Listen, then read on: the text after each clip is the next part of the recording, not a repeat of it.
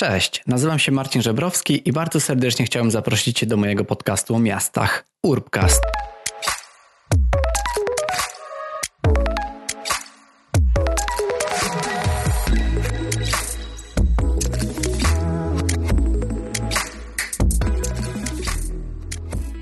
Cześć, witajcie w najnowszym odcinku podcastu, do którego zaprosiłem ponownie architektkę i urbanistkę z misją, a więc Agnieszkę Labus, która opowiedziała nam tym razem o cohousingu senioralnym, między innymi, ponieważ tak jak rozmawialiśmy w pierwszej rozmowie, do której Was e, na, na samym wstępie odsyłam, w której porozmawialiśmy ogólnie o starzeniu się, o seniorach, seniorkach, o tym jak się dla nich projektuje, no to doszliśmy do wniosku, że jest to bardzo, bardzo szeroki temat i docelowo rozmawiamy o cohousingu senioralnym, ale jako po prostu jednym ze sposobów na mieszkanie w, w wieku, e, że tak powiem, zaawansowanym. Porozmawialiśmy o tym mieszkalnictwie pod kątem tego, jakie ono powinno być, abyśmy mogli jako seniorzy pozostawać aktywni. Do tego porozmawialiśmy o domach międzypokoleniowych, o cohousingu międzypokoleniowym. Wyjaśniamy, czym ten cohousing jest, jakie są podstawowe zasady projektowania takiego cohousingu, wymieniamy przykłady cohousingów na świecie, no i na koniec te, też wprowadzam taki wątek bardziej osobisty, bo zastanawia mnie, jakie możliwości do mieszkania razem mają w Polsce seniorzy i seniorki. Zapytałem Agnieszkę, czy coś takiego jak cohousing senioralny w ogóle w Polsce występuje. Także zapraszam Was na kolejną rozmowę.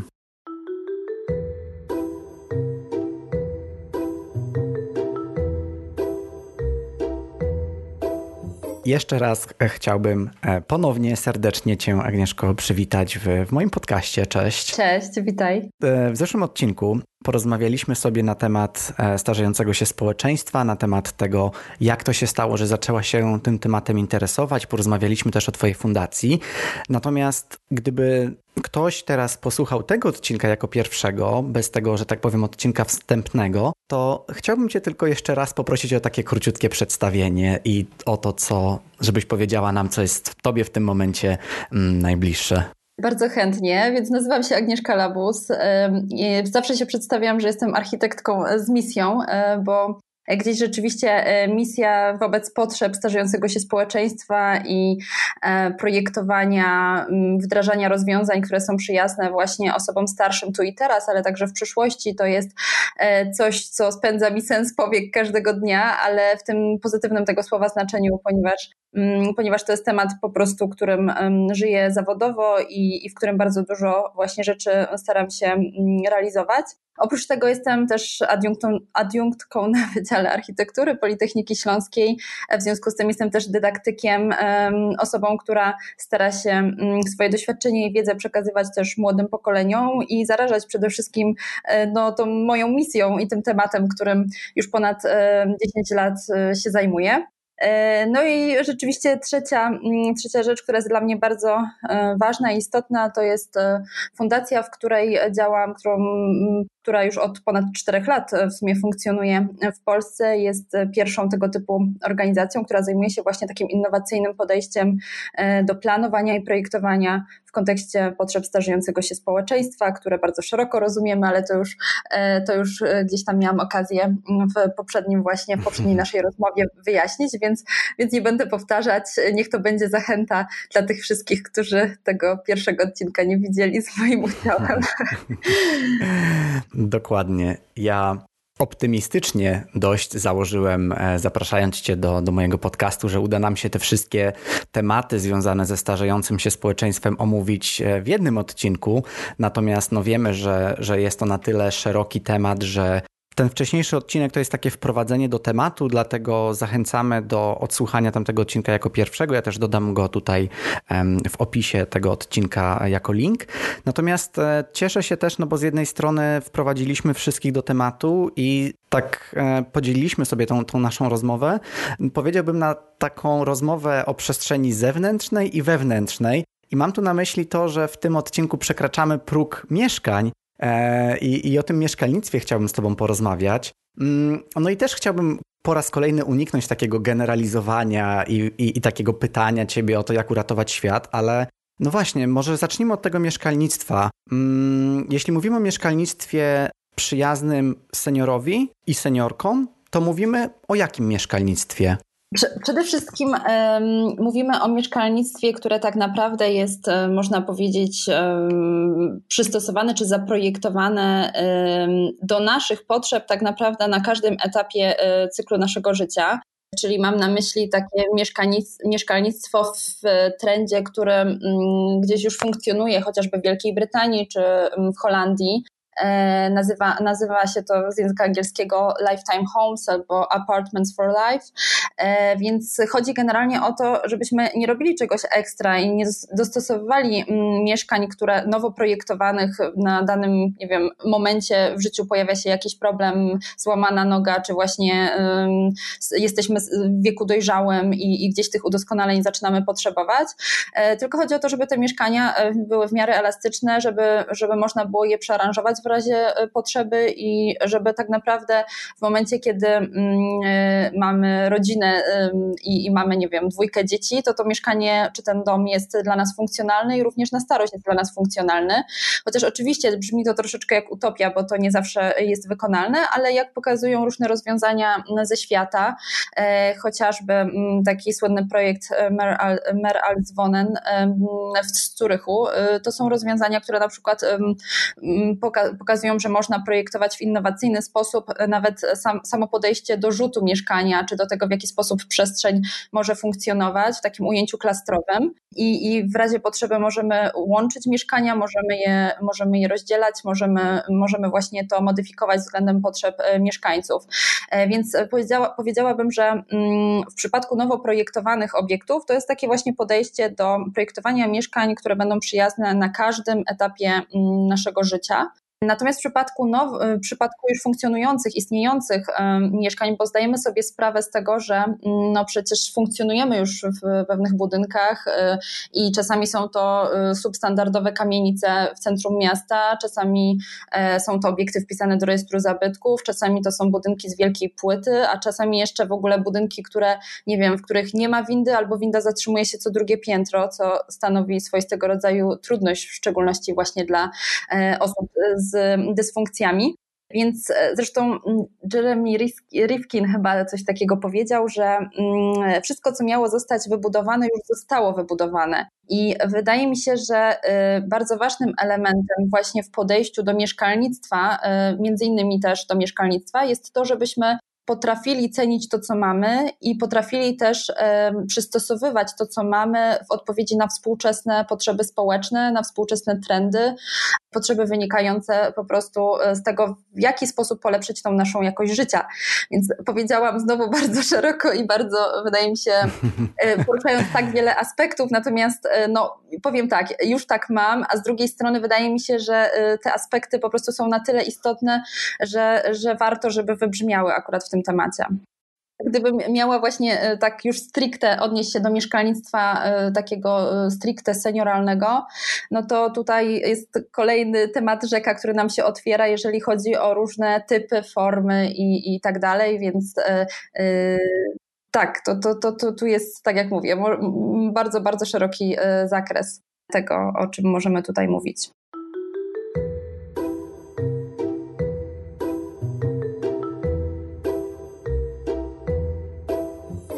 Ja sobie zdaję też, też z tego sprawę. E, jakby uważam, że jest to istotne, że tak po kolei sobie zawężamy, e, zanim dojdziemy do, do konkretnych typów tego mieszkalnictwa. I mam jeszcze takie jedno pytanie, bo, bo w jednym z, z artykułów e, napisałaś, że Projekt zabudowy mieszkaniowej dla osoby 60 plus powiedzmy powinien spełniać takie dwie zasadnicze cechy, czyli aktywizować i umożliwiać niezależność w, e, w, środowisku zamieszkania jak najdłużej. I mm, chciałem się od razu zapytać, czy to możemy powiązać też z wielkością mieszkania? Czy, czy, czy jakby rozmiar mieszkania w tym przypadku raczej nie ma dużego znaczenia? E, powiem tak, e, jeżeli chodzi o tą niezależność i, i to aktywizowanie, to rzeczywiście to są dwa, e, dwie takie główne um, koncepcje, um, można powiedzieć, które um, które tak naprawdę są promowane na poziomie Unii Europejskiej. Mówimy o tym, że chcemy być jak najdłużej niezależni, chcemy starzeć się w miejscu, ale jednocześnie być jak najdłużej niezależni, czyli to jest jakby e, pierwsza z koncepcji, która właśnie mówi o starzeniu się w miejscu, natomiast druga koncepcja mówi o aktywnym starzeniu się, e, o właśnie i tej aktywizacji, o tym, żeby, żebyśmy nie prowadzili trybu osiadłego, ale też o, o właśnie różnych, że tak powiem, o środowisku wspierającym, które tą integrację czy aktywizację może zapewnić. I gdybyśmy to mieli przenieść e, rzeczywiście na wielkość mieszkań, mm, to mm, ja mm, powiem szczerze, że rzeczywiście w mieszkalnictwie senioralnym dominuje taki trend tej powierzchni jednak stosunkowo ograniczonej. To znaczy ograniczonej mówiąc o tym, że jeżeli jesteśmy w wieku dojrzałym, dzieci e, nas opuściły, tak, e, znaczy opuściły, gdzieś wyjechały, czy, czy już prowadzą e, samodzielne gospodarstwa domowe w jakim stopniu, to, to ma, pozostajemy na przykład na dużej powierzchni i, i może to stanowić dla nas jakieś tam utrudnienie.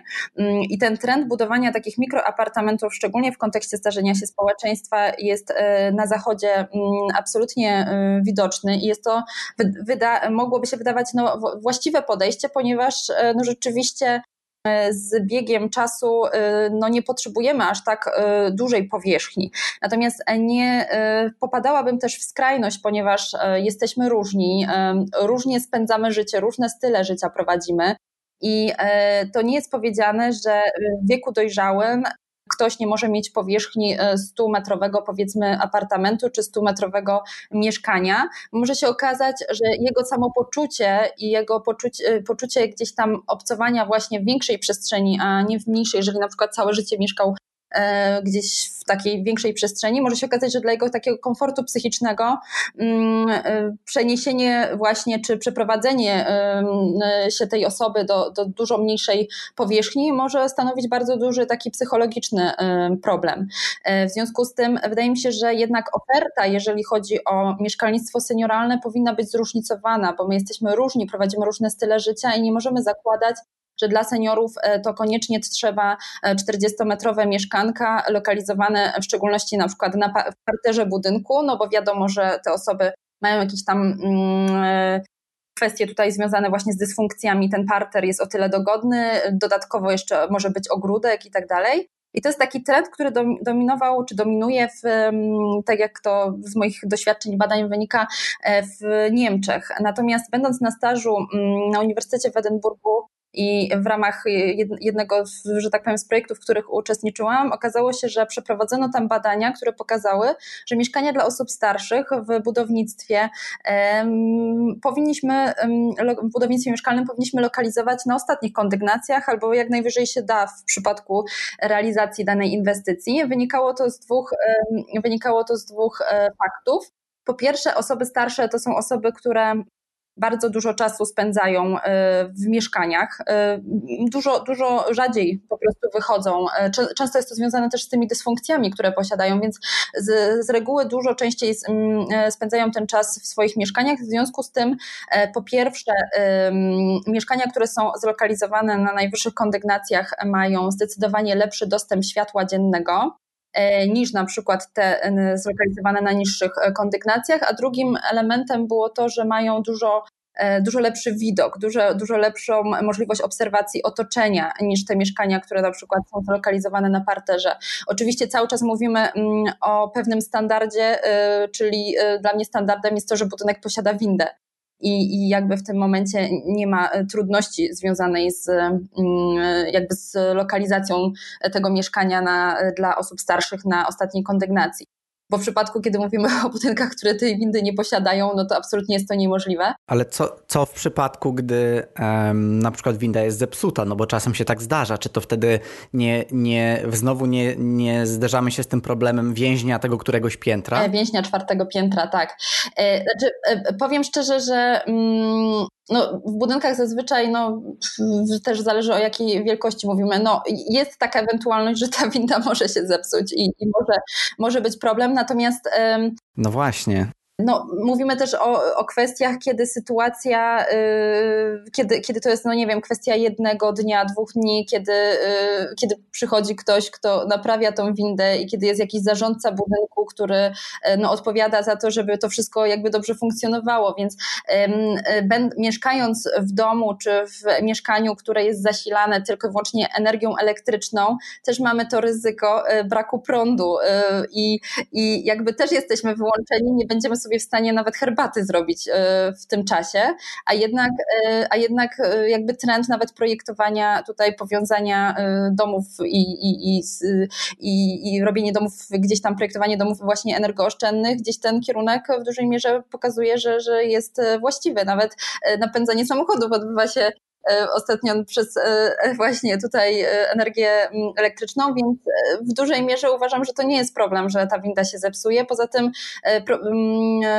prawdopodobieństwo i, i, jakby regularność zepsucia się tej windy e, no, jest raczej znikoma, tak, w, w, współcześnie. Oczywiście może się to zdarzyć, tak, no ale no, nie będziemy, że tak powiem, całego modelu y, funkcjonowania życia ludzi podporządkowywać po to, że coś może nie zadziałać. Zawsze jest taka ewentualność. Nie, bo tutaj jakby, jakby też jak mówiłaś o tym, że są plusy tego, aby lokalizować te mieszkania dla osób e, starszych, starzejących się wyżej, też myślałem, że, że chodzi być może o taką czasem wymuszenie tego, żeby te osoby używały od czasu do czasu schodów, no bo to też pozwala im w jakiś sposób na zachowanie aktywności. Czy, czy to też może być jakby jakimś plusem, powiedzmy? Tak, absolutnie. E, to jest jakby kolej, kolejna rzecz, która też mnie tam e, właśnie w ramach tych badań zaskoczyła, że mm, absolutnie nie powinniśmy wręcz w taki sposób dostosować tej przestrzeni, żeby e, tylko i wyłącznie wyręczać ludzi i, i, i, i w jakimś stopniu e, rozleniwiać, tak? Tak byśmy to nazwali, bo um, oczywiście musi być zawsze ta alternatywa, bo musimy pamiętać, że w przestrzeni miejskiej czy w przestrzeni budynków poruszają się e, ludzie na przykład na wózkach inwalidzkich, którzy no, nie mają możliwości dostania się po tych schodach, nawet gdyby bardzo tego chcieli, więc ta alternatywa zawsze musi się mm, Natomiast absolutnie ta zachęta do tego, żeby jeżeli jesteśmy w wieku dojrzałym, a mamy powiedzmy jakieś tam dysfunkcje, ale nie są one na tyle, na tyle nas nie determinują w tym, żeby nie przekraczać e, też tych swoich w jakimś stopniu barier, e, to jakby to poruszanie się po schodach jest absolutnie czymś aktywizującym i, i pamiętam, że pojawił się tam właśnie taki pomysł, że w ramach spocznika powinny znajdować się albo ławeczki, albo jakieś elementy właśnie małej architektury, które pozwalają na, na to, żeby przysiąść na chwilę i odpocząć, czy na przykład e, przystanąć, położyć sobie zakupy w ramach wchodzenia E, po tych schodach, co e, nie powiedziałabym, że jest jakimś e, trendem, szczególnie w Polsce w zakresie klatek schodowych, żeby takie ławeczki się pojawiały, a tak niewiele potrzeba, a tak wiele można dzięki temu zmienić.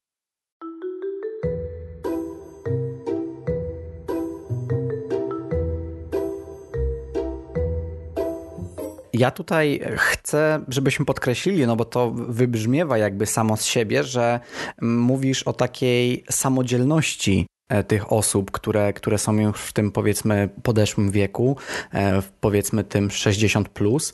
I wydaje mi się, że właśnie jedną z form utrzymywania takiej samodzielności, no jest ten cohousing już wspominany przez nas kilka razy i myślę, że teraz jest ten dobry moment, abyśmy mogli do niego przejść, no też zakładając, że jest to jedna z form e, takiego mieszkalnictwa. Mm, możemy wyczytać, że występują różne cohousingi i może na początku, jakbyśmy sobie tak w skrócie tylko powiedzieli, czym taki cohousing jest. E, no tak jak tutaj już powiedziałeś, jest to e, pewna forma zabudowy mm, mieszkaniowej, ale ona zasadniczo różni się, ona jest e, od takich standardowych, można powiedzieć, form zabudowy mieszkaniowej. E, traktowana jest jako pewien alternatywny sposób zamieszkania, a wynika to z tego, że e, housing jest E, swoistego rodzaju oddolną inicjatywą, e, w którą bardzo mocno mieszkańcy powinni być zaangażowani e, już od początku procesu powstawania inwestycji, czyli mam tutaj na myśli wybór działki pod budowę takiego cohousingu, czy ewentualnie lokalizacji, jeżeli to dotyczy adaptacji na przykład budynku pod, pod taką funkcję. I samej pracy y, jakby z architektem, czyli z dostosowaniem tej przestrzeni do właśnie indywidualnych potrzeb y, tych mieszkańców, czy w przypadku nowo projektowanego cohousingu e, tak samo uczestniczenie, e, jak, jak ten projekt ma się rozwijać i, i, i w zakresie mieszkania, i w zakresie właśnie przestrzeni wspólnej, bo to jest jakby najważniejszy element, który w ramach cohousingu należy podkreślić. Jest to pewien sposób zamieszkania, w którym e, mamy możliwość indywidualnego, indywidualnych mieszkań, e, czyli e, w razie e, gdzieś tam tutaj no, prowadzenia, znaczy w razie złego słowa użyłam, możemy mieszkać, możemy mieszkać w takim standardowym ujęciu, jak mieszkamy w autonomicznych, normalnych jednostkach mieszkalnych, czy to mieszkaniach, czy domkach, bo ten cohousing może różne formy przybierać. Natomiast bardzo ważnym elementem jest to, żeby żeby była możliwość e, stworzenia pewnej przestrzeni wspólnej, w ramach której mieszkańcy mogą wspólnie spędzać czas, e, mogą się spotykać, mogą wspólnie organizować e, posiłki. Nie wiem, na przykład raz na tydzień chcą zjeść wspólnie obiad. Mogą tam organizować też na przykład warsztaty, jakieś spotkania dla lokalnej społeczności, czyli mogą gdzieś integrować się z tą lokalną społecznością. Oczywiście te wszystkie aktywności związane z tym, co w tym cohousingu się dzieje, to jest ustalane mm, w ramach właśnie tej wspólnoty cohousingowej, czyli tych, tych mieszkańców. I to od nich tak naprawdę zależy, jakie aktywności e, chcą podejmować, a jakich aktywności na przykład nie chcą podejmować. Natomiast e, ważnym elementem mm, e, tego cohousingu jest, jest no, może kilka jest takich determinant, o których mm, pisze w swojej książce Charles Duret.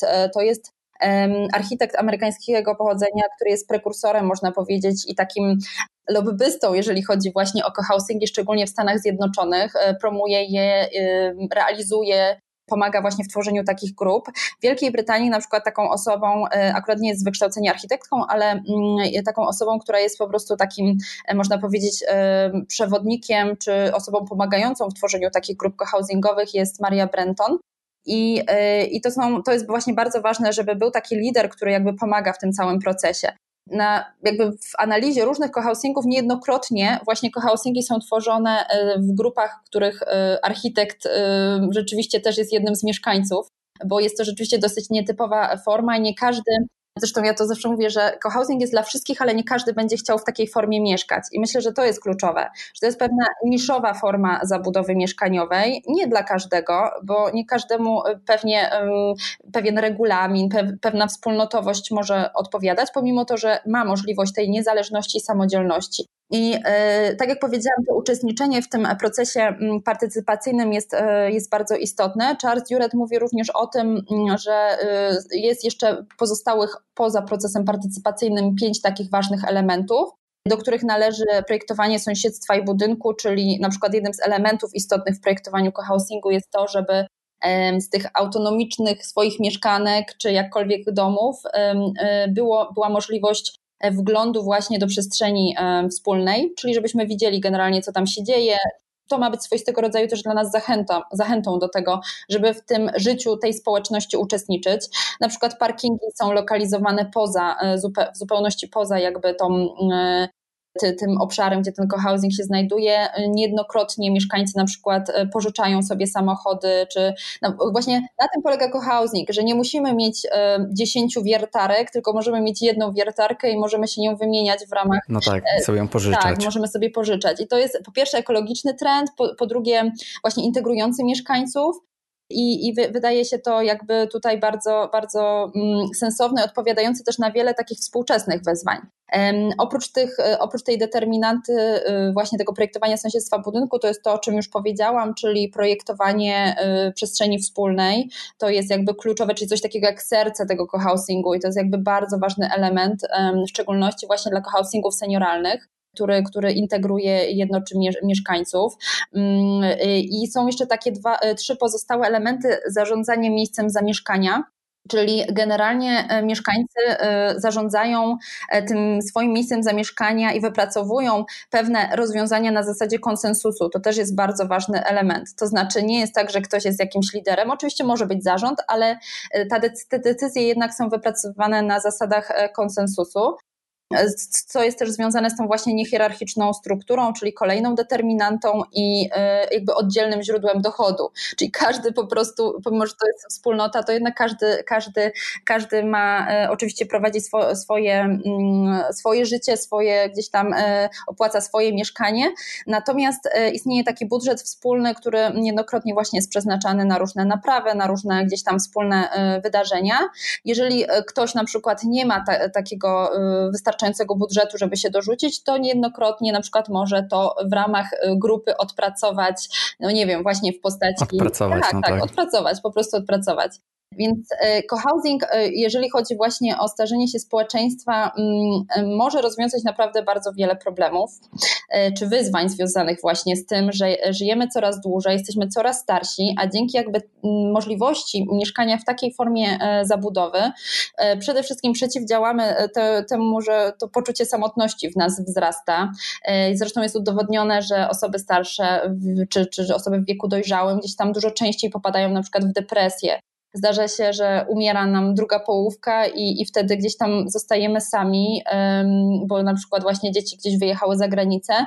I e, tak naprawdę ten cohousing jest pewnego rodzaju takim poczuciem e, właśnie e, życia z sąsiadami, z którymi absolutnie też konflikty występują, ale też właśnie badania dotyczące housingu pokazują, że dzięki temu, że mieszkańcy uczestniczą w całym procesie powstania inwestycji, to oni już na tym etapie zdążą się dotrzeć i zdążą się na tyle pokłócić, że w momencie, kiedy zaczynają mieszkać Aha. już w cohousingu, to, to po prostu już jest dużo, dużo lepiej.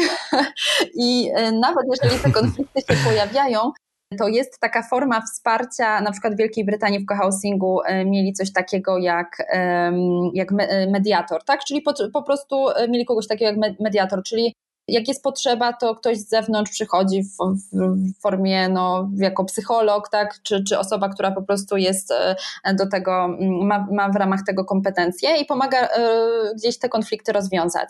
Więc e, z pozoru może to brzmieć jako Zresztą to jest mylone bardzo często. Cohousing, jakaś komuna, szczególnie dla pokolenia, powiedziałabym, E, osób, e, które mm, w Polsce pamiętają chociażby czasy komunizmu i, i gdzieś pewien rodzaj no tak. E, wymuszonej wspólnotowości, to to jakby źle się to kojarzy, bo niektórzy mówią, a mieliśmy już przecież wspólne pralnie, wspólne komórki i to wszystko już było, to nie jest nic nowego. Aha. Więc ja zawsze mówię, że absolutnie w pewnym takim modelu przestrzennym może nie ma nad wyraz jakiejś wielkiej innowacji, jeżeli chodzi, nie wiem, o rzut tak, tego, tego, tego założenia ale y, jest to pewna odpowiedź na, jest to dopasowanie pewnych rozwiązań e, w kontekście tych współczesnych wyzwań, wyzwań XXI wieku.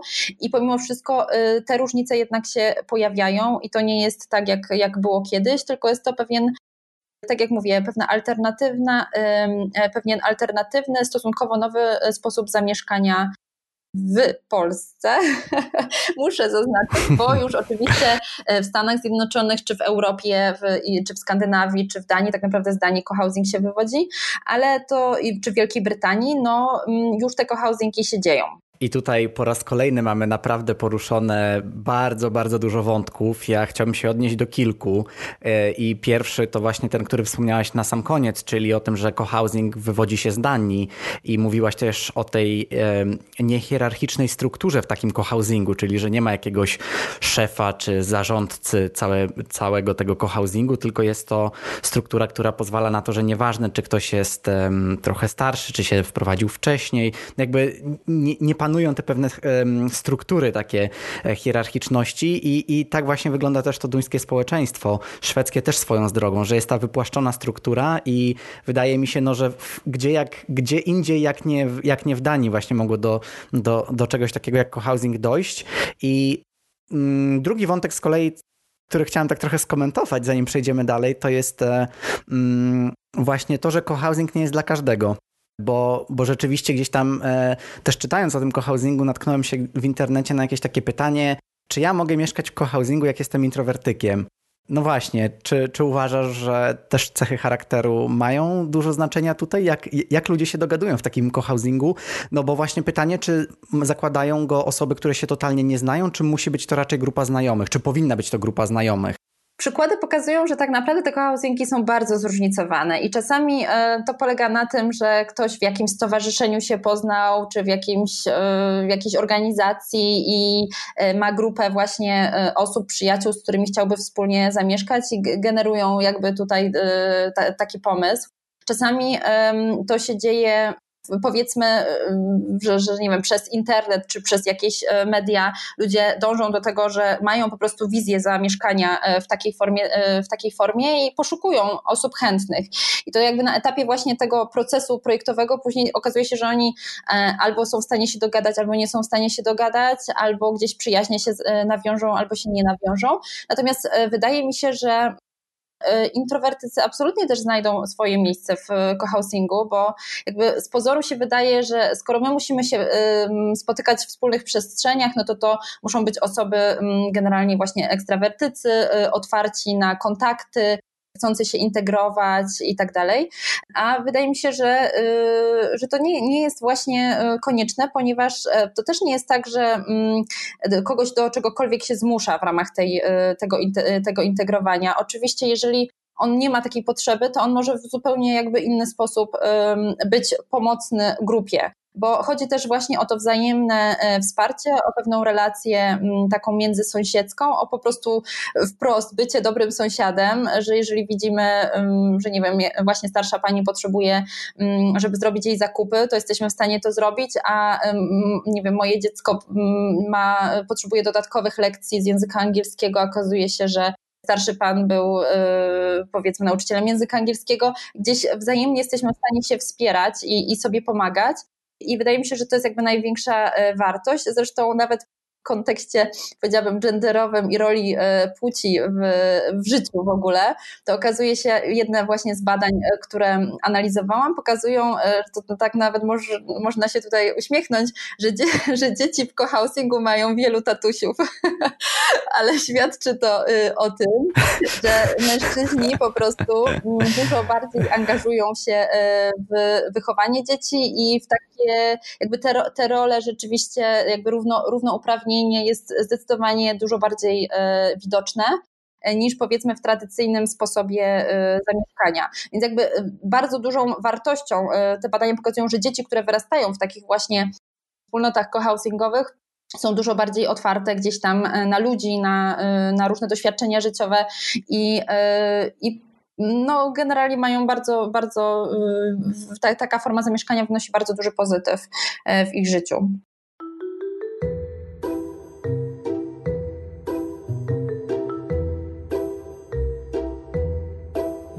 Chciałbym teraz jeszcze przejść do mm, tego samego tematu samotności, bo też e, trochę od niego tutaj zaczęliśmy, kiedy zaczęliśmy mówić o tym cohousingu senioralnym.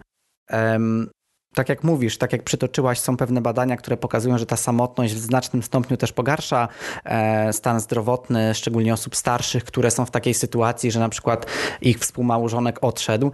No i też ja tutaj taki prywatny e, chciałem motyw e, też, też poruszyć, bo ja też w ogóle zacząłem się interesować tym e, tematem cohousingu senioralnego szczególnie, no dlatego, że niestety kilka miesięcy temu e, odeszła moja babcia i mój dziadek e, no, został niestety e, sam w, w, w, mieszkaniu, no i jakby zacząłem tak zastanawiać się, w jaki sposób mógłbym mu pomóc i, i jakby no ciężko, że tak powiem, wysłać go do tego cohousingu i powiedzieć mu, że tam znajdzie jakąś pomoc e, i towarzystwo. Natomiast zacząłem się zastanawiać i w ogóle analizować tą sytuację. No i, i przejdźmy tutaj może już na ten nasz grunt polski. Jakie możliwości takiego współmieszkania ma senior czy seniorka w Polsce? Oj, to jest bardzo trudne pytanie. Powiem tak, y, tak naprawdę kwestia takiego współmieszkania czy y, różnych form bardziej alternatywnych y, dla tradycyjnych form zamieszkania, bo jeżeli mówimy o tym standardowym podejściu do mieszkania, to wiadomo, że mieszkamy we własnym mieszkaniu, to już wymieniłam jakby formy, w których możemy mieszkać, czy, czy to kamienica, czy to blok, czy to dom kiedy potrzebujemy rzeczywiście y, wsparcia, już takiego realnego wsparcia ze względu na nasz stan zdrowia, e, no to są domy dziennego pobytu, y, przepraszam, domy dziennego pobytu to, to jest kwestia takiego doraźnego wsparcia, ale na, na stałe to są domy, domy seniora, to, to, są, to są chociażby mm, za, też zakłady opiekuńczo-lecznicze, to są formy, o których dzisiaj możemy mówić, jeżeli chodzi o to wsparcie już takie, powiedziałabym, rzeczywiście od strony medyczno-rehabilitacyjnej chociażby. Natomiast po środku, po środku są właśnie mieszkania czy formy z tak zwanym wsparciem może, możemy o tym mówić assisted living albo na przykład mieszkania chronione. Aktualnie w Polsce zresztą jest program realizowany dotyczący właśnie mieszkań chronionych, w ramach których rzeczywiście często to są mieszkania realizowane przez TBS-y, czyli Towarzystwo Budownictwa Społecznego, w ramach których projektowane są czy, czy adaptowane mieszkania właśnie w szczególności dla seniorów, i też są mieszkania treningowe, czyli to są z kolei dla na przykład dzieci z domów dziecka, które chcą rozpocząć e, samodzielne funkcjonowanie na, na pewien okres e, czasu. I te mieszkania e, chronione dla seniorów to, to jest właśnie pewnego rodzaju taka forma gdzie senior może niezależnie mieszkać, jest stosunkowo aktywny, ale czasami potrzebuje pewnego wsparcia. W związku z tym e, niejednokrotnie ta pomoc albo jest oferowana właśnie przez wolontariuszy, albo ta pomoc e, jest e, przez jakąś organizację pozarządową właśnie prowadzona, albo przez miasto jakoś bezpośrednio. I, i te mieszkania chronione czasami, ale nie, nie zawsze, bo tutaj jest jeszcze taki, taki termin mieszkań wspomaganych. To są właśnie mieszkania, które są wyposażone e, w system przyzywowy. Czyli w tych mieszkaniach mamy do czynienia z tym, że nie wiem, w, w toalecie czy gdzieś w, w, przestrzeni e, tego mieszkania mamy mm, możliwość właśnie naciśnięcia, pociągnięcia za sznurek. No różnie jest to rozwiązywane, kiedy ta, ta pomoc jest potrzebna i to jest jakby, jakby tutaj kwestia właśnie mm, zakomunikowania, że, że, że, to, że to jest wymagane, potrzebne. I gdybyśmy mieli mówić o takich, e, aha, jeszcze kolejny trend, który się dzieje, to są e, mieszkania e, de deweloperskie, ale też niejednokrotnie przez TBS budowane, mieszkania osiedla tak naprawdę, dedykowane właśnie seniorom o nazwie często osiedla 50 plus 60 plus. Jestem absolutną mm, przeciwniczką tego trendu. Oczywiście uważam, że że powinny być różnorodne formy i absolutnie jestem za różnorodnością. Natomiast Mhm. Jakby moje badania mm, pokazały, że jeżeli mówimy o sposobie zamieszkania dla osób starszych w skali budynku, czyli jeżeli w całym budynku mieszkają osoby starsze, to my możemy mieszkać z kim chcemy, e, jak chcemy, na jakich zasadach chcemy i jest to absolutnie e, dobrze, pozytywnie wpływające, tak? Natomiast e, często te osoby też są w różnym wieku, jeżeli chodzi o ten wiek senioralny. Niektórzy jeszcze są aktywni zawodowo, niektórzy właśnie mniej. E, I, i to na przykład pokazuje też taki przykład cohousingu senioralnego dla starszych kobiet w High Barnet, między innymi w Londynie. Miałam okazję tam prowadzić właśnie na temat tego cohousingu badania. Mm, natomiast E, czyli Older, older Woman tak. Co-Housing Community, tak? tak? Bo, bo tak, też o tym, o, tym chciałem za, o, o, tym chciałem porozmawiać między innymi. Tak, to jest grupa OACH i starsze panie postanowiły razem zamieszkać ze sobą, więc jeżeli mówimy o skali budynku, to um, wydaje mi się to um, w porządku. Natomiast je, jeżeli zaczynamy przechodzić do skali urbanistycznej i um, już stosunkowo y, no, sporo lat temu te społeczności, które w Arizonie w Stanach Zjednoczonych powstawały, słynne Sun Cities, gdzie całe y, takie osiedla, wioski były właśnie mm, e, organizowane pod kątem seniorów z zapleczem e, właśnie i medycznym i z dostępem do usług. Można by było powiedzieć, że, y, że świetne rozwiązania. Pokazały, że te osoby właśnie bardzo... Niemalże takie... Getta. Niemalże takie wioski tak, tak senioralne, tak? No właśnie.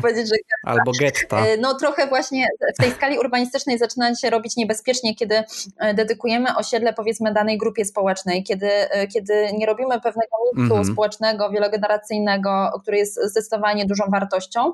E, więc przeniesienie te, tego do skali urbanistycznej powoduje, że stygmatyzujemy tą przestrzeń i mam takie poczucie, że być może w Polsce ktoś powie, że te osiedla 60, plus, one cieszą się popularnością i mieszkania na przykład są kupowane, rozchodzą się jak świeże bułeczki, chociaż różnie to wygląda, aczkolwiek wydaje mi się, że wynika to przede wszystkim nie z faktu, że ludzie mm, po prostu y, tak zapałali taką miłością do tego typu osiedli, tylko wynika to z faktu, że nie ma alternatywy że jeżeli pojawia się okay. na rynku e, rzeczywiście e, coś dedykowane seniorom i w miarę o takim e, jako, jakościowym standardzie, no to, no to w tym momencie rzeczywiście, y, tak jak tutaj z Twojego przykładu, tak, to, to czy rodziny właśnie osób starszych, czy bezpośrednio osoby dojrzałe, czy nie wiem, aktywne, y, próbują tą, przygotować się do tej starości i, i szukają właśnie takich rozwiązań.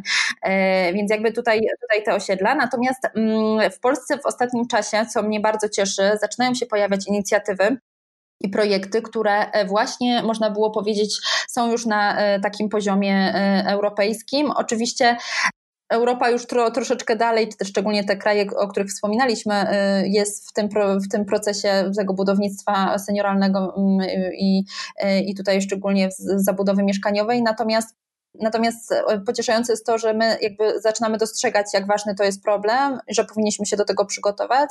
Na razie oczywiście to są rozwiązania punktowe, nie ma rozwiązań systemowych, aczkolwiek dobrze, że, że po prostu mamy już tą świadomość. I e, mam tutaj na myśli mm, domy wielogeneracyjne. To jest jakby kolejna forma, która można byłoby powiedzieć jest bardzo mm, w samym takim podejściu E, modelu jakby funkcjonowania, czy tym e, projektowania jest bardzo podobna do, do tego, co mówiliśmy w ramach cohousingu, bo też jest e, przestrzeń wspólna.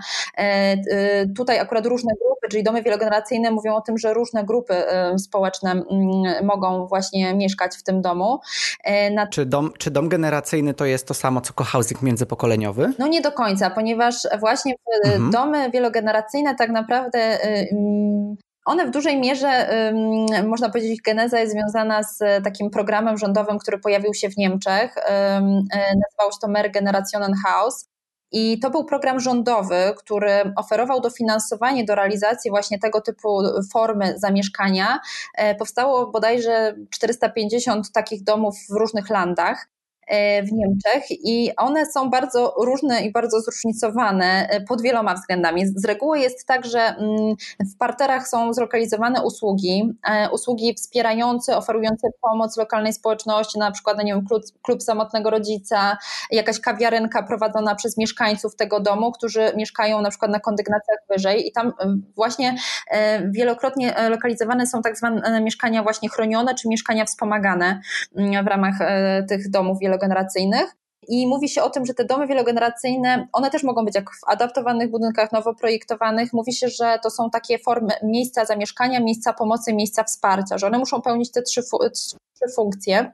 I e, nawet e, określa się też, że, że, to, że te, te domy wielogeneracyjne są też rodzajem lokalnych świetlic w jakimś stopniu, że one bardzo, e, tak można rzec, stabilizują dzielnicę, czyli e, są takim punktem orientacyjnym dla mieszkańców, są miejscem, gdzie właśnie te lokalne społeczności mogą się mm, też gromadzić.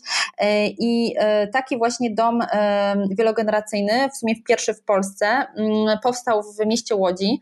Miałam to szczęście uczestniczyć w ramach tego projektu na etapie wdrożenia modelu funkcjonowania, czyli jak ten dom ma funkcjonować. E, miałam okazję jakby tutaj koordynować projektem z ramienia Fundacji właśnie Lab 60+, która bezpośrednio odpowiadała za wdrożenie e, tego modelu. To był bardzo trudny proces, nie ukrywam, angażujący ekspertów z wielu dziedzin, bo e, jakby nie tylko z architektury, nie tylko z socjologii, ale tutaj jak się okazało największą innowacją i wyzwaniem były zagadnienia prawne, wynikające z tego, na jakich zasadach właśnie, jak sformułować regulamin chociażby, e, który będzie właśnie decydował o tym, kto mógłby w tym domu zamieszkać i jak ten dom ma być rzeczywiście później funkcjonować, jak ma być prowadzony. To jest przykład adaptacji w ogóle budynku starej e, willi która w dosyć w miarę ścisłym centrum jest zlokalizowana, e, z, z bardzo dogodną e, lokalizacją do, do wielu funkcji i mieszkają tam cztery grupy. E, osoby starsze, osoby z niepełnosprawnościami, młode osoby i rodziny z dziećmi. Tam jest 16 mieszkań. To jest bardzo, można powiedzieć, niewielkie, tak? Niewielka y, inwestycja, ale też to pokazuje, że te cohousingi, oczywiście one mogą być różnej wielkości, ale właśnie te dobre cohousingi zazwyczaj y, mają y, gdzieś tam też tą ilość osób w granicach powiedzmy tych 20-30. Natomiast to jest w przypadku cohousingów, ja tutaj mówię o domu wielogeneracyjnym, trochę mieszam temat, ale myślę, że to dotyczy tak naprawdę właśnie e, te, tych alternatywnych form zamieszkania, że, że możemy pewne też punkty styczne tutaj znaleźć. I drugą taką ważną inwestycją w Polsce, która powstała, to jest, można powiedzieć, pierwszy nowo projektowany dom wielogeneracyjny. we Wrocławiu na osiedlu Nowe Żerniki. To jest dosyć znane, modelowe, gdzieś tam traktowane jako modelowe osiedle, które rzeczywiście.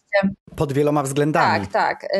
I, i właśnie tam w ramach TBS-u powstał taki dom wielopokoleniowy, bardzo nowoczesną, o bardzo nowoczesnej architekturze, który mm, właśnie łączy w sobie tą funkcję i tych mieszkań dla osób starszych z tym systemem właśnie takim przyzywowym i mieszkań dla rodzin z małymi dziećmi i, e, i też e, dodatkowe funkcje właśnie typu przedszkole czy dzienny dom e, opieki, więc jakby mm, to wydaje mi się, że to, to, to są takie inwestycje, które jakby teraz przychodzą mi do głowy.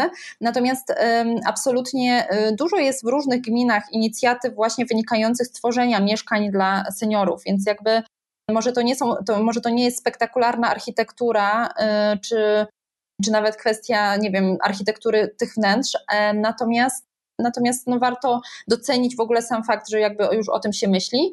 I również na poziomie deweloperów już też pojawił się właśnie, oprócz tego, że mm, tworzy się te, osie, te osiedla 60, plus, to, y, to są też deweloperzy, którzy gdzieś bardziej patrzą na ten temat wielogeneracyjnie. I, I też myślą o tym, że ważny jest nie tylko na przykład dom opieki, właśnie y, kierowany do tych osób, które wymagają już większego wsparcia, ale ważne są też te formy zamieszkania, które są tym etapem, można powiedzieć, takim przejściowym, czy etapem, który, mm, który pozwala nam właśnie zachować tą niezależność jak najdłużej. Bo chodzi o to, żeby to mieszkanie nas e, w jakimś stopniu wspierało, ta wspólnota, czy to sąsiedztwo e, było dla nas wsparciem i, i, i żebyśmy po prostu jak najdłużej byli niezależni, żeby jakby mm, ten czas przeniesienia do domu opieki czy do domu seniora wydłużyć maksymalnie na tyle, na ile się da.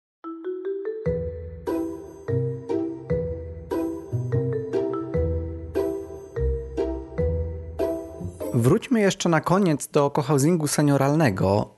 Ja nie jestem ekspertem w tym temacie, dlatego też zaprosiłem Ciebie, abyśmy na ten temat porozmawiali, ale rozmawiając o tym, nie wyobrażam sobie nie poruszyć tego tematu w kwestii własności, szczególnie wśród osób właśnie starszych, bo czy uważasz, że, że my w Polsce jako społeczeństwo, jako mm, no już w tym momencie właśnie seniorzy, jesteśmy w stanie porzucić w pewien sposób tą własność, aby przyjąć takie rozwiązania wspólnotowe? No bo bardzo wiele e, z tych, z tych rzeczy wynika właśnie z historii, tak? Tak jak wspomniałaś, osoby, które, e, które żyły powiedzmy w czasach PRL-u, no pewnie bardziej doceniają tą własność, są w mniejszym stopniu w stanie się, się dzielić różnymi rzeczami.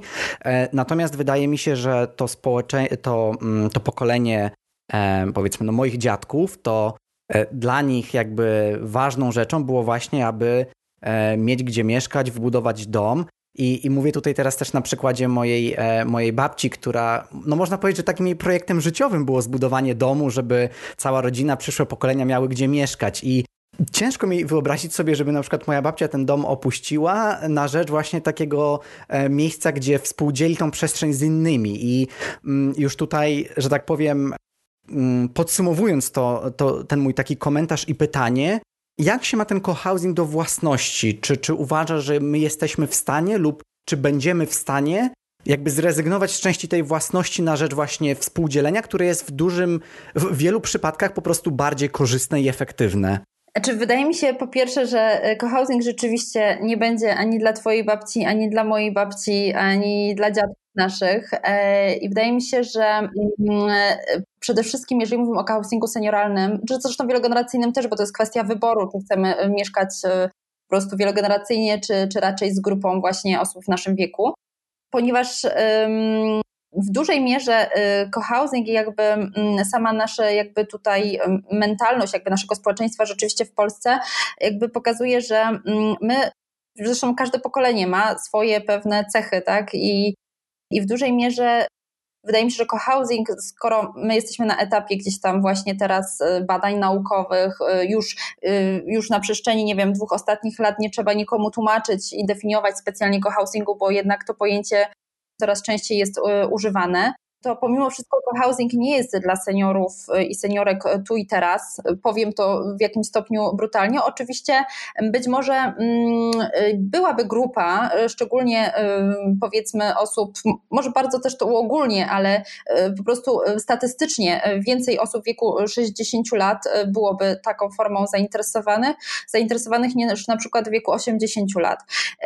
Mhm. Oczywiście pewne jednostki mogłoby się okazać, że są na tyle gdzieś w tym nurcie, że byłyby w stanie w takiej formie mieszkać i czułyby się szczęśliwe, no bo jakby tutaj chodzi też o sam fakt e, samopoczucia w, w mieszkaniu w takiej, w takiej, w mieszkania w takiej formie zamieszkania. Więc jakby cohousing mam wrażenie, że jest właśnie po pierwsze dla pokolenia milenialsów, czyli prognozując i, i mówiąc o um, zabezpieczeniu tej naszej starości. E, ja akurat nie należę do pokolenia milenialsów, ale powiedzmy, że już może byśmy, bym ja się tutaj też, też łapała na tą formę. I chodzi też generalnie o pewien e, styl życia, o, o pewną jakby elastyczność, mobilność. Jakby widzimy to też po naszych pokoleniach, że dużo częściej, nie wiem, zmieniamy pracę, dużo łatwiej e, przemieszczamy się w różne miejsca. E, wielokrotnie w swoim, w swoim życiu zmieniamy miejsce zamieszkania. To jest jakby w kontrze do tego, co ty powiedziałeś, że rzeczywiście nasi dziadkowie, jak osiedli, to mieszkają przez 50-60 lat w jednym miejscu zamieszkania, albo no tak. ewentualnie tak. to mhm. drugie ich miejsce zamieszkania. Natomiast, natomiast natomiast no, y, ta historia tych miejsc zamieszkania nie jest tak bogata jak w przypadku młodszych pokoleń.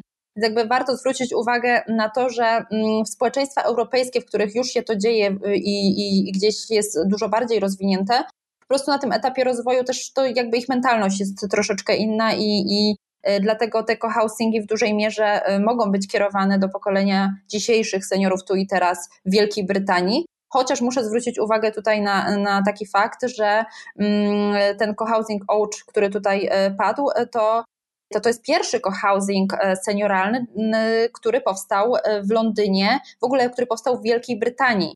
Wielogeneracyjne już funkcjonują, natomiast ten był pierwszym senioralnym, więc to pokazuje, że w tak dużej metropolii, jaką jest Londyn, w kraju tak rozwiniętym, jaka jest Wielka Brytania, to wcale też, to też jest coś eksperymentalnego, to też jest, też jest coś nowego. E, więc wcale nie jesteśmy też znowu aż tak zacofani jako Polska, żeby, żeby to tak nie zabrzmiało. Okay. Natomiast odnosząc się, znowu moja bardzo długa dygresja, ale odnosząc się do e, własności, ale musiałam to wyjaśnić.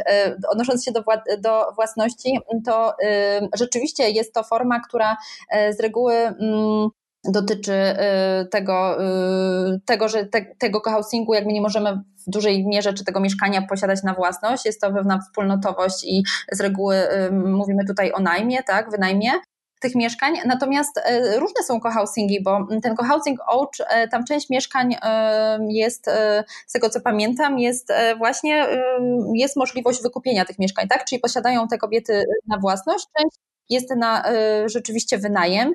Natomiast wtedy są już takie szczególne zapisy dotyczące tego, bo y, ktoś zapyta, a co się stanie, jeżeli ta osoba umrze i teraz kwestia dziedziczenia i tak dalej. Więc są, są, y, są szczególne właśnie zapisy dotyczące tego, że musi w tym założeniu mieszkać osoba na przykład powyżej tego i tego roku życia. E, i musi spełnić na przykład takie takie warunki, więc nawet w momencie pewnego dziedziczenia to y, ta rodzina jest zobowiązana do tego, żeby wynajmować na przykład te mieszkanie albo sprzedać osobie, która spełnia te warunki. Więc jakby chodzi tutaj też o pewną ciągłość tego projektu i, i te housingi są różne, aczkolwiek e, rzeczywiście ta kwestia mm, najmu dużo, dużo bardziej jest e, popularna.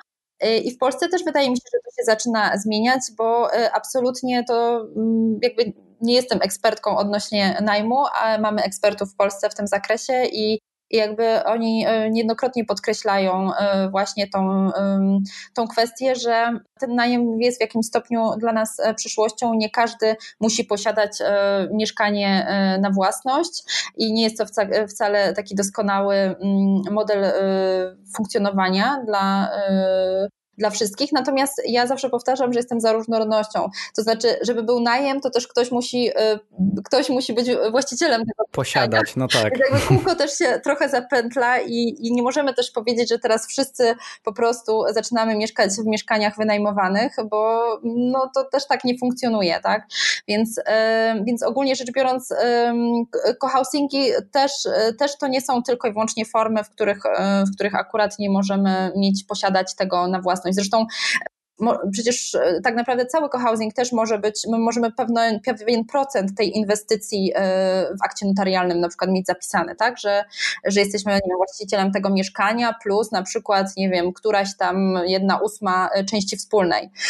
Więc no, przecież, przecież dzisiejsze osiedla, nawet niejednokrotnie osiedla zabudowy szeregowej są właśnie tak projektowane na jednej dużej działce i mm, ludzie kupujący taki segment szeregówki nie kupują tak naprawdę nawet nawet do końca tej konkretnej działki, na której e, ten ich dom jest e, usytuowany, a kupują pewien fragment tej, e, tego obszaru.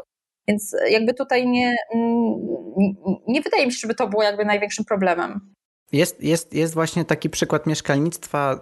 Nie jestem pewien, czy to się właśnie nazywa kooperatywa, ale że w wielu współ, współdzielniach, wspólnotach mieszkaniowych też w Kopenhadze można właśnie wykupić nie konkretne mieszkanie, a po prostu jakby część we, we wspólnocie, która tak. jakby przekłada się na jedno z mieszkań. I, i, I to jest, to ma takie plusy, że jest to zazwyczaj też tańsze, można się tymi mieszkaniami zamienić. Tak gdzieś tam wyrównując te, te różnice, także jest to gdzieś moim zdaniem coś pomiędzy własnością, a jednak czymś elastycznym, tak? Które, które, które, które gdzieś tak, tam... Tak, na etapie właśnie cyklu życia może się okazać, że, że właśnie potrzebujemy y, większej przestrzeni albo mniejszej, że możemy się właśnie wymienić y, senior z, nie wiem, y, rodzina z seniorem, bo senior na przykład na większej powierzchni żył, tak?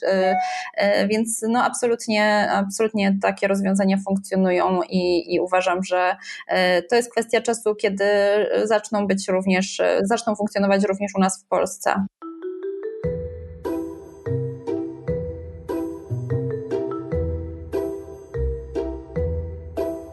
kończmy e, e, pozytywnie, optymistycznie, bo, bo tak lubię zawsze e, gdzieś tam na koniec zostawiać słuchaczy. Natomiast Jakbyś jeszcze mogła, czy chciała podsumować trochę te nasze oba spotkania e, w jakimś takim krótkim podsumowaniu, no bo, no bo też, też rozmawialiśmy bardzo dużo o Twoich badaniach, e, o temacie, w którym jesteś ekspertką, więc może na koniec też chciałabyś jakoś podsumować i e, z czymś konkretnym słuchaczy zostawić no, nie, nie wiem, czy jestem ekspertką, staram się y, cały czas uczyć i jakby y, rozwijać, rozwijać właśnie ten temat y, o różne wątki. I mam nadzieję, że, że słuchacze jakby tych podcastów zapamiętają e, w sumie końcówkę tego pierwszego podcastu tak, tak najbardziej wyraziście. Chodzi mi o jakby sam kwestię e, zmiany sposobu myślenia, o e, potrzebach osób starszych, o właśnie nawet samym słowie senior, seniorka mm, że z tego podcastu zapamiętają, że osiedla 60 plus i jakby takie stygmatyzowanie przestrzeni, tu mówię bardziej może do osób którzy zajmują się przestrzenią, zarządzają przestrzenią, wiem, do władz miasta, ale też do deweloperów czy do e, architektów urbanistów e, którzy projektują tego typu rozwiązania, że, że to może nie do końca jest właściwy model, że może warto się zastanowić, czy sami w sumie chcielibyśmy mieszkać na osiedlu, które tylko i wyłącznie wśród mieszkańców ma osoby starsze. E, więc to tak czasami trzeba po prostu e, zejść ten poziom, e, powiedziałabym, właśnie do tej skali człowieka, żeby to, żeby to też jakby spróbować poczuć i zrozumieć.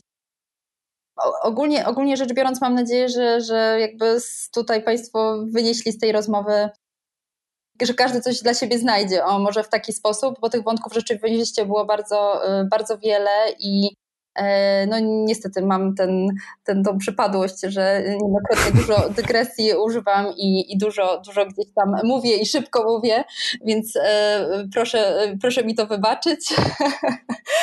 tak, więc, więc ogólnie rzecz biorąc mam nadzieję, że e, dziękuję przede wszystkim Tobie za zaproszenie, bo to dla mnie, tak jak już to zresztą wspominałam, była, było bardzo ciekawe doświadczenie, przede wszystkim też no, takie przypomnienie sobie o wielu aspektach które gdzieś analizuję w swoich badaniach, ale y, jakby taka rozmowa pozwala mi rzeczywiście bardzo y, porządkować pewne rzeczy i też y, niejednokrotnie znajdować luki albo e, elementy, które powinnam udoskonalić i nad którymi powinnam się jeszcze głębiej zastanowić. Także bardzo, bardzo serdecznie dziękuję. Ja dziękuję ponownie za to, że przyjęłaś moje zaproszenie i chciałem też tylko powiedzieć, że ten temat jest bardzo skomplikowany, jest bardzo złożony, ale mm, nie zanudziłaś, wręcz przeciwnie, zachęciłaś mnie do tego, przynajmniej mnie do tego, aby jeszcze więcej na ten temat czytać. na temat cohousingu, na temat cohousingu senioralnego. I, i, I także zapoznać się z różnymi Twoimi artykułami jeszcze bardziej, bo nie, nie, nie udało mi się przeczytać wszystkich. Natomiast no, jest to temat niesamowicie interesujący. Ja chciałbym jeszcze tylko Ciebie zapytać o książkę, którą mogłabyś polecić słuchaczom. Mhm. E, książkę, którą mogłabym polecić słuchaczom. W sumie, gdybym się tak miała głębiej nad tym zastanowić, to mam to powiem szczerze, że mam e, książkę dla ludzi, którzy nie są związani bezpośrednio z architekturą i urbanistyką w temacie e, starości mhm. i tego, w jaki sposób myśleć o tej starości i w jaki sposób, to jest to, o czym gdzieś w tym pierwszym podcaście mówiliśmy, że e, na starość to nie należy myśleć o emeryturze, tylko o założeniu startupu. I e, tak naprawdę to jest swoistego rodzaju cytat z książki e, New Aging e, Matiasa Holwicha. Wprawdzie trochę, trochę będzie utrudnieniem, bo książka jest tak naprawdę pewien poradnik, bo tutaj mamy takich dziewięć chyba obszarów. Pierwszy to pokochaj, pokochaj starość, bądź taki społeczny, nigdy nie przechodź na emeryturę, zawsze zostań fit, na przykład twój, twój dom to jest twój zamek, więc są tutaj też takie krót, króciutkie porady, na przykład jak e, łatwo dostosować swoje mieszkanie do tych zmieniających się mm, z wiekiem e, potrzeb. I jakby poleciłabym to, tą książeczkę każdemu. Cały czas walczymy jako fundacja z wydawnictwem, e, które właśnie odpowiada za, za, za wydanie tej książki New Aging, bo mamy zgodę Matiasa Holwicha na to, żeby mm, tą książkę przetłumaczyć na język polski. Y, i jakby to jest naszym marzeniem też takim fundacyjnym, żeby to na grunt polski się pojawiło, na gruncie polskim się pojawiło, więc może, może się pojawi, a jak się nie pojawi, to zrobimy nasz New Aging polski. w jakim stopniu ten New Aging polski się dzieje, bo to jest właśnie era nowej starości, projekt, o którym w pierwszym podcaście mówiłam więc w jakimś stopniu to się dzieje. Natomiast książkę taką już, e, chociaż też, też, też może dla wszystkich być ciekawa, e, ona w sumie nie jest związana bezpośrednio z, ze starością i starzeniem się. Powiedziałabym, że w ogóle absolutnie.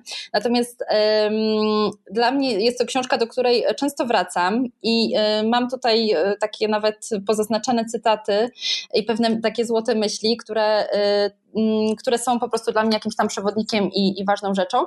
To jest książka, która jakiś czas temu została wydana. Kiedy ona została wydana? Zaraz zobaczę. A nawet nie ma tutaj daty wydania, ale to jest książka dosyć świeża. Justin McGirk, miasta, Radykalne Miasta. To jest książka o, y, można powiedzieć, urbanistyce i podejściu do projektowania, właściwie do nawet nie projektowania, bo tutaj mowa właśnie nie o projektach, ale o pewnych procesach, które zachodzą y, w Ameryce Południowej i o tym, z jednej strony, ja tutaj mówię o Ameryce Południowej, z czym w ogóle y, zupełnie inne, inne wyzwania, inne problemy i tak dalej. Natomiast okazuje się, że Ameryka Południowa z brakiem, można powiedzieć, środków pieniężnych na wiele, wiele gdzieś tam inwestycji, wiele rozwiązań, potrafi y, wprowadzać różne innowacyjne rozwiązania właśnie z zakresu, z zakresu właśnie takich rozwiązań z natury społecznych. Bo, y, bo zauważmy też, kto, kto dostał nagrodę Pritzkera kilka lat temu, właśnie Ravena za, za właśnie no tak. nie, nie świetną architekturę spektakularną, ale właśnie za ten proces. Więc jest to książka na pewno o działaniach, nie o projektach. I, i tutaj też jest taki ważny aspekt architektów, aktywistów czyli ludzi, którzy zaangażowani są właśnie e, bezpośrednio w te procesy i którzy realnie chcą wpływać na te zmiany. I e, ja tutaj wynotowałam sobie kilka takich cech, żeby tu może zachęcić właśnie e, do tego, mm, do, do tej książki, więc przede wszystkim tak może to przeczytam, krótki cytat. Jacy są architekci aktywiści? Oni muszą wpisywać się w plany polityków muszą być radykalni, udając, że nie są. Nic bardziej nie odstrasza polityka niż idea, że chcesz zrobić coś radykalnego lub ryzykownego. Muszą być ekstrawertykiem, muszą tworzyć sieci. I trzeba mieć obywateli po swojej stronie, bo dni, kiedy po prostu mówiło się ludziom, co jest dla nich dobre, minęły. I jakby niech to będzie puentą e, właśnie do tego, że że, miejmy po prostu misję, niezależnie jaki, e, jaki zawód e, wykonujemy, starajmy się y, po prostu dokładać cegiełkę do, do zmiany świata. Bardzo to, bardzo to y, zabrzmiało mm, może idealistycznie, ale, ale, ale myślę, że tak każdy jakby takie podejście w jakimś stopniu miał, to na pewno dużo lepiej by nam się żyło. I poleca to architektka i urbanistka z misją tak właśnie, e, tak jak, tak, jak, tak jak sama na początku mówiłaś. Mm, no dobrze, a na koniec już e, chciałem ciebie jeszcze zapytać, gdzie można śledzić twoje liczne działania w internecie? Ojej, e, gdzie można śledzić moje liczne działania? No przede wszystkim na pewno na mm, stronie Fundacji Lab60+, lab60plus.pl, taki jest adres strony.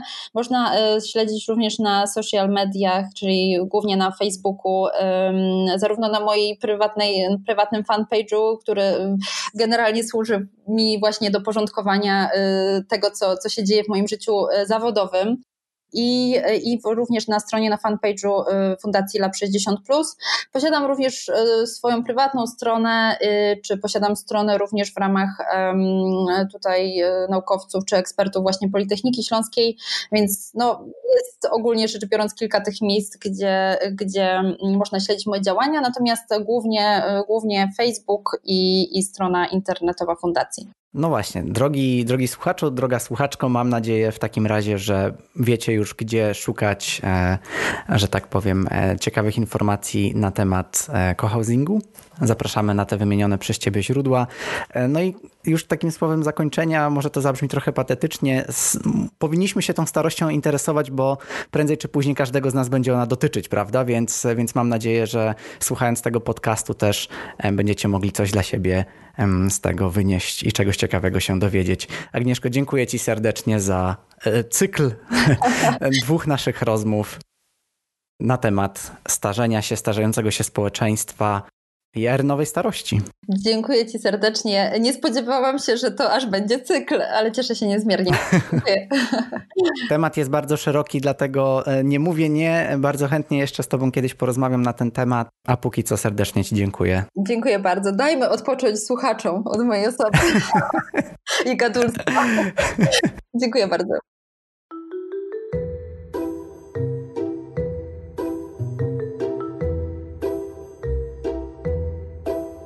Dziękuję Wam za wysłuchanie najnowszego odcinka podcastu i mam nadzieję, że macie już teraz pełny obraz na to, czym się charakteryzuje projektowanie przyjazne starzejącemu się społeczeństwu, a także jak i gdzie seniorzy mogą razem mieszkać i czy cohousing senioralny jest jedyną odpowiedzią na e, tego typu wyzwanie.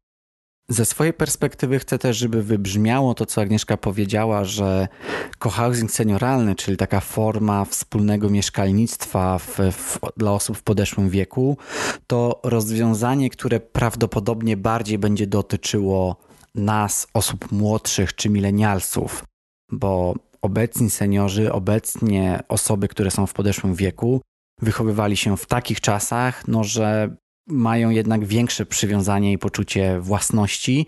Ciężko byłoby im w tym momencie porzucić wszystko, na co pracowali całe życie i zamieszkać wspólnie z innymi, dzielić tą przestrzeń, ale oczywiście nie jest to niemożliwe coś, co chciałbym, żeby wybrzmiało ogólnie z tych, z, tego, z tych moich dwóch rozmów z Agnieszką, to to, no, że starość dotyczy każdego z nas i warto już teraz zacząć się zastanawiać, kurczę, czego mogę potrzebować na starość i czy właśnie mieszkanie na starość ze swoimi, nie wiem, najbliższymi przyjaciółmi czy, czy rodziną, no to nie jest jakaś fajna alternatywa dla tej, e, dla tej przyszłości i dla e, fajnego, aktywnego starzenia się. No cóż, także dzięki wielkie i do usłyszenia.